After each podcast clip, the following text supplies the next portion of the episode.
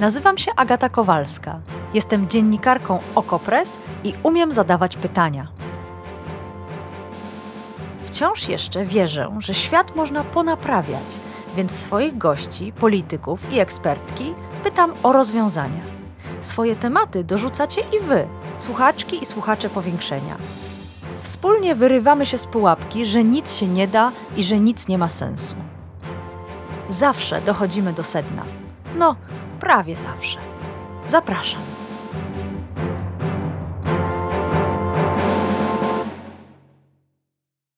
Karuzela, karuzela. Znacie tę starą piosenkę zespołu Tilaf? Tam dalej jest o polityce. W czwartek karuzela kręciła się od samego rana. A jeszcze w środę szliśmy spać przekonani, że coś jednak zostało wreszcie ustalone. Ustalone między Warszawą a Brukselą oczywiście. Bo oto nagle, w nocy z wtorku na środę, grupa posłów PiS wrzuciła do Sejmu projekt nowelizacji ustaw sądowych. Ustaw o Sądzie Najwyższym, o sądach powszechnych, o Naczelnym Sądzie Administracyjnym. Nowelizacja? Znowu? Zapytacie? Tak, znowu. Nie wiem, który to już raz.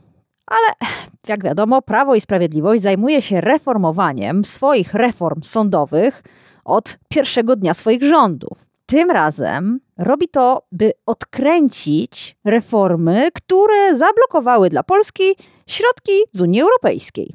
Chodzi oczywiście o pieniądze z Krajowego Planu Odbudowy. Może gdyby nie kalendarz, to nasz rząd palcem by nie kiwnął, żeby przekonywać Brukselę, że wszystko gra i że polskie sądy są niezależne. Przecież już od dawna płacimy srogie kary za swoje niepraworządnościowe przewiny i nic się nie zmieniało. Ale kalendarz jest nieubłagany. Idą wybory. Elektorat trzeba będzie ponownie, po raz trzeci, przekonać do siebie. Więc premier Morawiecki zakasał rękawy i uzgodnił z Komisją Europejską nową reformę sądownictwa, która ponoć ma wypełniać wymagania stawiane państwu prawa. Warto zauważyć, że sam się pod tym projektem nie podpisał, bo projekt rządowy zająłby w procedowaniu masę czasu i konsultacji. I dlatego to grupa posłów, posłów PiS, z wtorku na środę wrzuciła do Sejmu projekt nowelizacji ustaw sądowych. A my poszliśmy spać. A gdy obudziliśmy się rano, to okazało się, że cały ten wysiłek na nic. Co się wydarzyło przez ostatnie dwa dni? Dlaczego zwoływane jest, a następnie odwoływane dodatkowe posiedzenie Sejmu? Na kogo obrażony jest Andrzej Duda? I jakie będą skutki tego, że prezydent się obraził? I co na to wszystko Zbigniew Ziobro, minister sprawiedliwości i prokurator generalny? O tym wszystkim, naprawdę o tym wszystkim, dzisiaj w powiększeniu. Zapraszam. A naszym gościem jest Agata Szczęśniak, dziennikarka sejmowa, dziennikarka polityczna Okopres. Witaj Agato. Dzień dobry, cześć. To od razu informacja dla wszystkich słuchaczek i słuchaczy. Jest godzina 20.35, czwartkowy wieczór i rozmawiamy, mając wiedzę na tę dokładnie godzinę i minutę. Co jest o tyle ważne, że dzisiaj od rana e, informacje i nawet fakty oraz opinie, często tych samych osób, zmieniały się jak w kalejdoskopie. Ty już wczoraj spędziłaś dużo czasu w Sejmie. Ja z kolei czytałam teksty w Okopres i wynikało jasno z Twojej pracy, z mojej pracy, że ta nowelizacja nie jest zgodna z polską konstytucją, a nawet z wyrokami Trybunału Sprawiedliwości Unii Europejskiej. Co mówiła na ten temat opozycja? Bo premier naciskał, żeby tę nowelizację przyjąć bez poprawek. Jakie było stanowisko opozycji? Jakie były wczoraj jeszcze opinie w Solidarnej Polsce? Przede wszystkim to bardzo ważne, że zaznaczasz, że rozmawiamy w czwartek wieczorem, bo faktycznie jest tak, że e, no, ten wieczór miał wyglądać zupełnie inaczej i być może e, jutrzejszy ranek będzie wyglądał zupełnie inaczej niż, niż się spodziewamy. Tu kompletnie wszystko jest, e, jest nieprzewidywalne. No przecież dzisiaj ja, ty, no, mieliśmy my dziennikarze śledzić to, co się dzieje w Sejmie i debatę nad tymi ustawami sądowymi, a tego nie robimy. Ale wracając do, e, do dnia wczorajszego i do tego, jak to wczoraj wyglądało. Rzeczywiście wjechały te ustawy, były zaskoczeniem. E, było wiadomo, że Prawo i Sprawiedliwość negocjuje i że ten kompromis się zbliża, e, że coś udaje się osiągnąć w rozmowach z Komisją Europejską. Było wiadomo, że Komisja Europejska chce też po prostu już ten spór zakończyć, więc na jakieś ustępstwa pójdzie. No ale że to stanie się właśnie teraz, to jednak było dość zaskakujące. Pojawiła się ustawa. E, z tego, co mi opowiadali posłowie, posłanki opozycji, natychmiast, kiedy się pojawiła, zostały powołane zespoły e, opozycyjne w każdej z opozycyjnych partii. E, ludzie, eksperci, prawnicy siedli i zaczęli paragraf po paragrafie przeglądać to, co w tych ustawach jest. Po pierwsze, po to, żeby się dowiedzieć, czy nie ma tam, jak mi powiedziano, zaszytego czegoś niebezpiecznego. O tak, nauczyli się i myśmy się wszyscy nauczyli przez te 15 nie wiem ile ich było, jak któryś ze słuchaczy, słuchaczek policzył, to proszę pisać do mnie i podpowiedzieć, ile już było tych nowelizacji. Często się tam pojawiały ni stąd, ni zowąd zupełnie dodatkowe treści. Dokładnie. No więc chodziło o to, żeby przede wszystkim zobaczyć, czy tam nie ma czegoś, jakiejś miny, że głosujemy za jednym, a okazuje się, że tak naprawdę głosujemy za czymś innym, na przykład za jakąś kolejną bezkarnością dla jakiejś grupy ludzi związanych z prawem i sprawiedliwością. No więc ten pierwszy test te ustawy przeszły. Nie ma tam czegoś takiego na jakiś inny temat. No ale są te różne inne kłopoty związane z tymi ustawami, o których ty mówiłaś. E, opozycja E, zauważyła. E, no i, i tu jest, i tu akurat zaczynają się schody i zaczynają się podziały i zaczynają się różne oceny, bo część opozycji uważa, że okej, okay, te ustawy są bardzo niedoskonałe, e, można mieć wątpliwości, czy są zgodne z konstytucją. Jedni mówią wprost, nie są zgodne z konstytucją, mhm. inni mówią, no można jakoś, jak usłyszałam, no tak ciągnąć tę kołdrę, że się ją tak naciągnie, że się okaże, że jednak z konstytucją zgodne są. No i część opozycji była gotowa przyjąć e, taką właśnie interpretację. E, ci, którzy byli bardziej skłonni pójść na tę ustawę i, i uznać, że one są w miarę ok.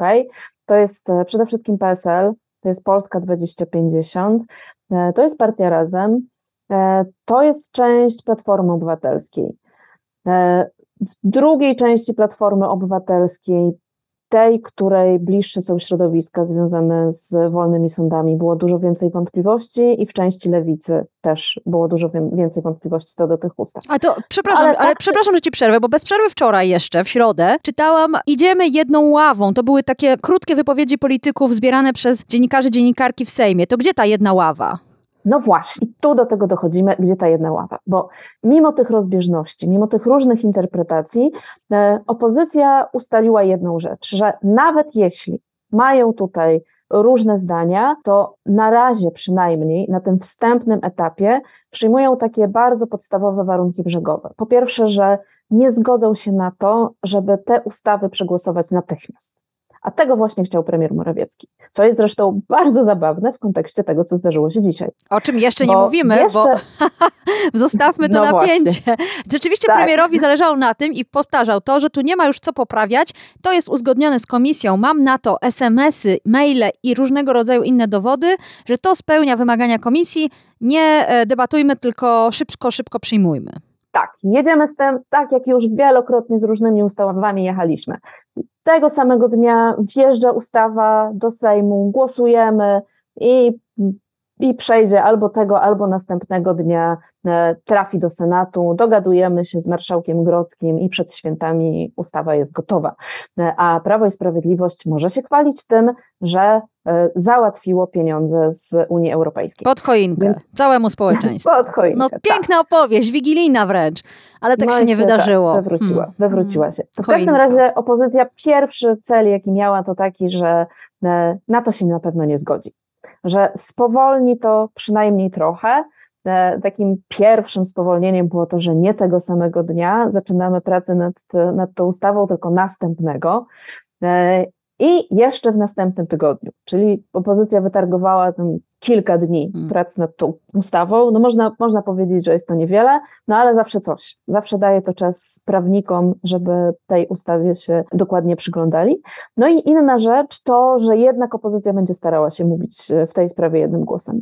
I i dzień się skończył, można powiedzieć, bo ja pamiętam, że ja z tym tak. uczuciem poszłam spać, a rano się obudziliśmy, obudził się też prezydent i zorientował się, że został pominięty. A Andrzej Duda bardzo nie lubi być pomijany.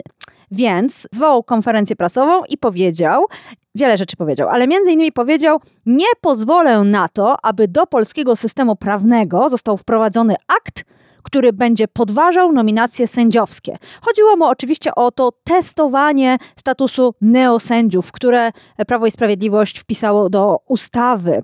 Ale wszyscy skupili się nie na ustawie, tylko na tej postawie pana prezydenta. Co on właściwie, mówiąc nie pozwolę, mówił? E, no właśnie, to jest bardzo ciekawa sytuacja, bo e, mamy czwartek rano, a dokładnie dobę wcześniej premier Morawiecki spotkał się z opozycją. E, spotkał się najpierw z opozycją, czy jak się okazało, wyłącznie z opozycją. Podczas tego spotkania opowiadał, że projekt jest uzgodniony z prezydentem. Po czym dobę później wychodzi prezydent e, i słychać w jego głosie hmm. to zdenerwowanie, e, wkurzenie powiedziałabym. No nie, ten projekt nie był ze mną konsultowany. Ja się nie rozmawialiście ja razu, ze mną o tym. Ja, ja, się śmieję, dlatego że Andrzej Duda przyzwyczaił nas, że robi z tego urzędu pośmiewisko. Wydawał się często papierowym prezydentem, który podpisywał to, co trafiało na jego biurko, więc to jego oburzenie, to jego stanowczość dzisiaj jest zupełnie niewiarygodna. No ale on rzeczywiście był oburzony. E, dlaczego premier Morawiecki zapomniał o prezydencie z pośpiechu? Być może z tego powodu, e, o którym powiedziałaś przed chwilą, że był przyzwyczajony, że prezydent Andrzej Duda po prostu no, to, co, to, co jest mu wysłane, podpisuje, no, z małymi wyjątkami, czasem wiadomo, strzeli wetem, e, ale nie za często. E, tu wydaje mi się, że, że Andrzej Duda się dość przywiązał do tego, że on jest współautorem tych ustaw które są związane z polskim KPO. Zresztą, Chyba nawet więcej, nie wiem czy się ze mną zgodzi, że on się ustawiał w takiej roli strażnika. Tutaj rząd wymyśla lewą ręką przez prawe ucho, a Andrzej Duda czuwa. Lubił tę swoją rolę. Tak, w dodatku, no przecież Andrzej Duda przygotował, to, to wcześniej on negocjował z Komisją Europejską. W jego kancelarii została przygotowana ustawa, ustawa, która poszła do Sejmu i jakkolwiek ona też nie była doskonała i była dziurawa, no to wyszła z tego Sejmu jeszcze bardziej podziurawiona, bo została popsuta przez e, obóz rządzący, zwłaszcza przez ziobrystów. E, no i ostatecznie mm, Komisja Europejska tak. powiedziała, że nie spełnia tych tak, wymogów. Tak. Więc prezydent już wtedy czuł się e, upokorzony, wkurzony, miał mieć sukces, a sukcesu nie ma. E, no, wystrychnięty na dudka po prostu. I myślę, że tutaj poczuł się tak po raz kolejny. Wtedy jeszcze mógł powiedzieć, że to nie tylko, że właściwie on, on nie mówił mm, raczej, że to jego obóz rządzący popsuł jego ustawę, tylko mówił, że to Komisja Europejska to zmieniła zdanie. No ale teraz no po prostu nie brał udziału w tych rozmowach. Tak. Zaraz jeszcze powiemy o ziobrystach, bo to bardzo ważny wątek, ale już skończmy e, wątek e, prezydenta, którego słowa zostały odczytane jako zapowiedź weta. I co się wydarzyło później, kiedy prezydent już skończył przemawiać? Bo sprawy przyspieszyły. Tak, zaraz po tym, jak skończył przemawiać prezydent, a faktycznie e, on powiedział tam zasadniczo dwie rzeczy. Jedną, te, o której rozmawiałyśmy, że nie były te ustawy z nim konsultowane. Drugą, że nie zgodzi się na to, żeby kwestionować nominacje sędziowskie, czyli de facto, że nie zgodzi się na ten test niezawisłości sędziów, który znalazł się w tej ustawie. E, I z tego można, można tak interpretować, że to jest zapowiedź weta. Natychmiast jeszcze w trakcie tego przemówienia e, osoby związane z Solidarną Polską, na przykład Anna Maria Siarkowska, posłanka Solidarnej Polski, e, wysyłała tweety, w których wyrażała radość nasz prezydent e, i, i cytowała zdania, które były dokładnie jak wyjęte z przemówień Zbigniewa Ziobry o tym, o, o suwerenności polskiej, suwerenności polskiego prawa. No i zaraz potem Zbigniew Ziobro zwołał swoją konferencję prasową, na której powtórzył to, co mówił wcześniej co mu się nie podoba w, w tych ustawach, ale w ogóle też e, w negocjacjach z Brukselą, e, o tym, że nie będzie Bruksela tutaj pisała polskiego prawa. E, no i kilka godzin później, mm, ale to jest, to jest takie kilka rzędów, już, już nie pamiętam dokładnie, ale to godzina czy dwie miało się odbyć pierwsze czytanie tej ustawy. Ono było za, zaplanowane na godzinę 16.30. Tak. No i, no i jakieś pół godziny wcześniej e, występuje Rafał Bochenek, rzecznik Prawa i Sprawiedliwości i oznajmia, że ze względu na wątpliwości, które różne osoby, różne środowiska, a zwłaszcza pan prezydent zgłaszają pod adresem tych ustaw, prace zostają przesunięte. Mm. Później dowiadujemy się od marszałka Terleckiego, że zostają przesunięte na styczeń. Mm-hmm. Czyli nie będzie pracy we wtorek przed świętami. E, dziennikarze mogą spokojnie jechać na święta, chociaż Sama nie wiem, bo Prawo i Sprawiedliwość już nas przyzwyczaiło do bardzo różnych wyskoków e, w okolicach świąt, w nocy. Czy ty planujesz wyjechać z Warszawy, czy trzymać się blisko wiejskiej? No, na szczęście żyjemy w takich czasach, że możemy e, nie być w Warszawie, a i tak śledzić no, to, e, to, co, to, to, co się dzieje. No faktycznie Prawo i Sprawiedliwość zaskakiwało nas nieraz i w tym okresie mm, około świątecznym, gdzie jest mniej osób na miejscu, gdzie mm. posłowie też chcą odpocząć. Są przecież nie tylko politykami, ale też rodzicami, opiekunami, mężami, żonami i tak dalej.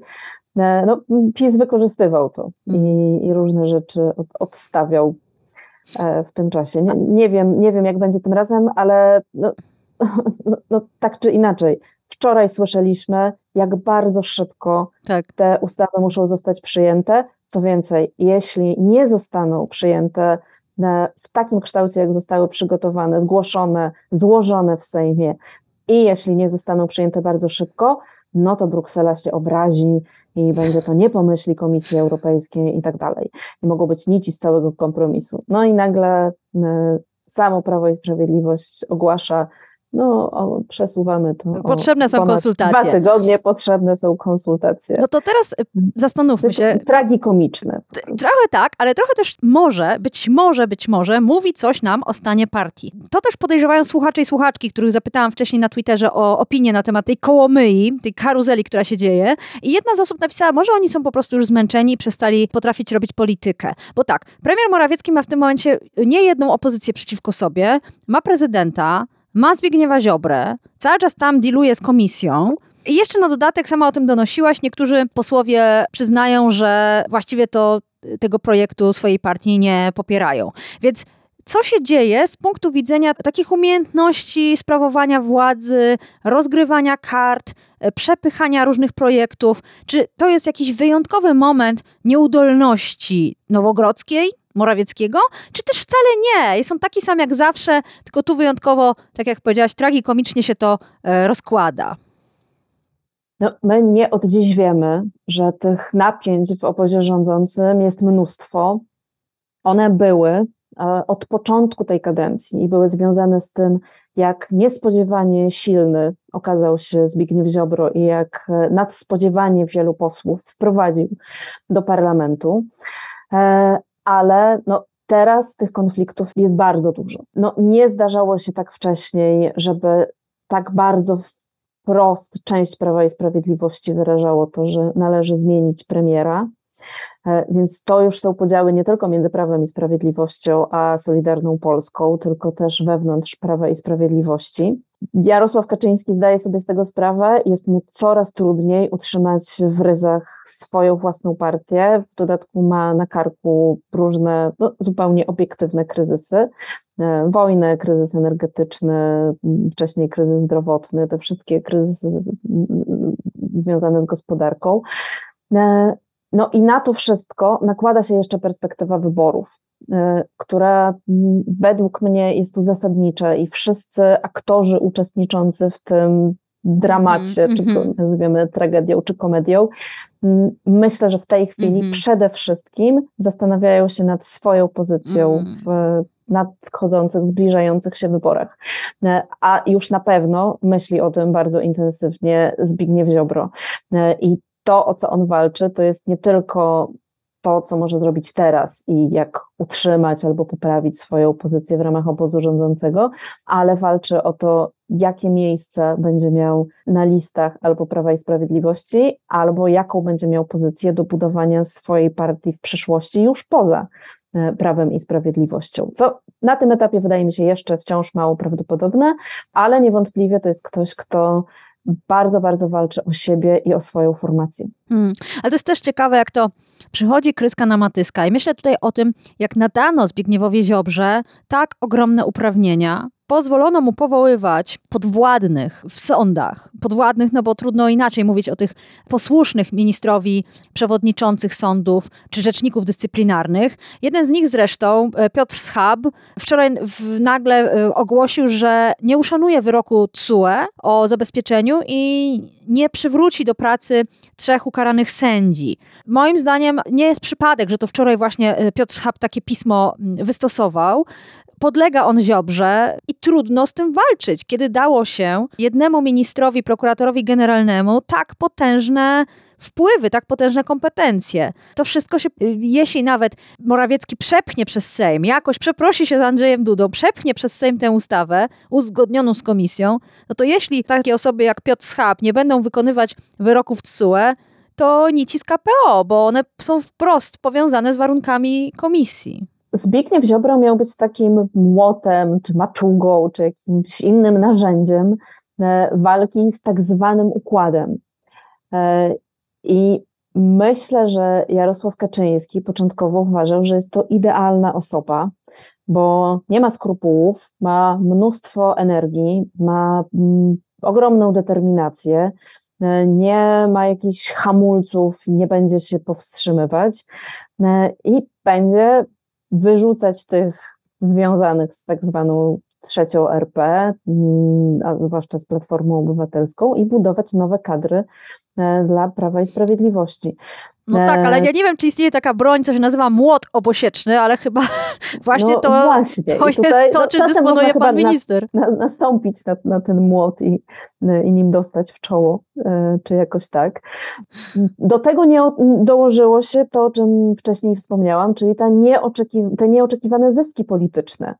E, czyli to, że mm, ziobryści dostali nagle początkowo 18, teraz oni, oni, już mają 20 posłów. No i to jest po prostu bardzo ważna karta przetargowa. Oni mają przecież bodajże 10 wiceministrów. Tam prawie każda osoba jest, e, ma albo bliskie osoby w spółkach Skarbu Państwa, albo sama ma jakieś dodatkowe posady. E, Prawo i Sprawiedliwość musiało chuchać i dmuchać na te formacje, żeby ona nie rozwalała y, działań PiSu wcześniej. No ale okazało się, że teraz y, na tej ostatniej, być może przedwyborczej prostej, jeszcze w warunkach kryzysu gospodarczego, y, PiS sam dostał po głowie tym, co sobie mm. wyhodował na własnej piersi. Mm. No tak, i teraz z drżeniem zastanawiam się, co wydarzy się jutro. Państwo już to wiedzą, ponieważ ten podcast pojawił się na naszych stronach w piątek rano i e, czy możemy spokojniej spać, bo ostatnio co się budzimy, to jakieś zaskoczenie. Rozumiem, że na razie ustawa została cofnięta. Czy tutaj w najbliższych dniach może się jeszcze jakaś, e, jakaś rzecz wydarzyć?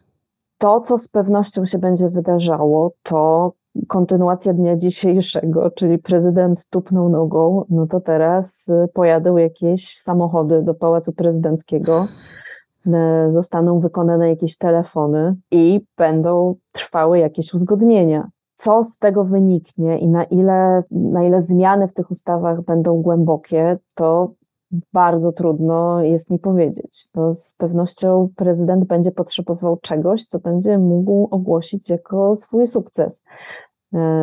No, ciekawe, jak daleko sięga jego determinacja i urażona duma. I tak naprawdę to nie uprawnienia prezydenta, tak jak niektóre osoby pisały, że tutaj ramy tej ustawy wyznaczą uprawnienia prezydenta. No, chyba ramy tej ustawy w takim kształcie, jak ona wyjdzie z PiSu, wyznaczy urażona duma pana prezydenta mm. Dudy. I jej granice. No, mogę tylko powiedzieć na koniec, że jestem strasznie ciekawa, jakie miny mieli urzędnicy komisyjni, kiedy czytali kolejne doniesienia z polskiego podwórka i patrzyli, jak to ponoć uzgodnione porozumienie, ta nowelizacja sypie się w proch.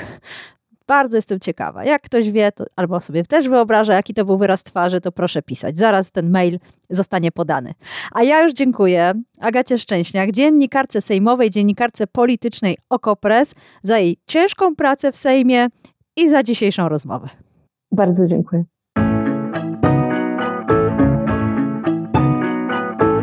To było Powiększenie, podcast Agaty Kowalskiej. Produkcja Bartosz Weber. Powiększenie znajdziesz na stronie Okopres i w Twojej ulubionej aplikacji do podcastów.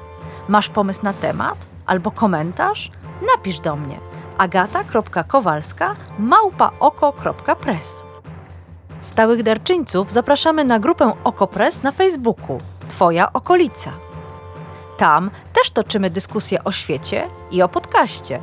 Dziękujemy za Wasze wsparcie.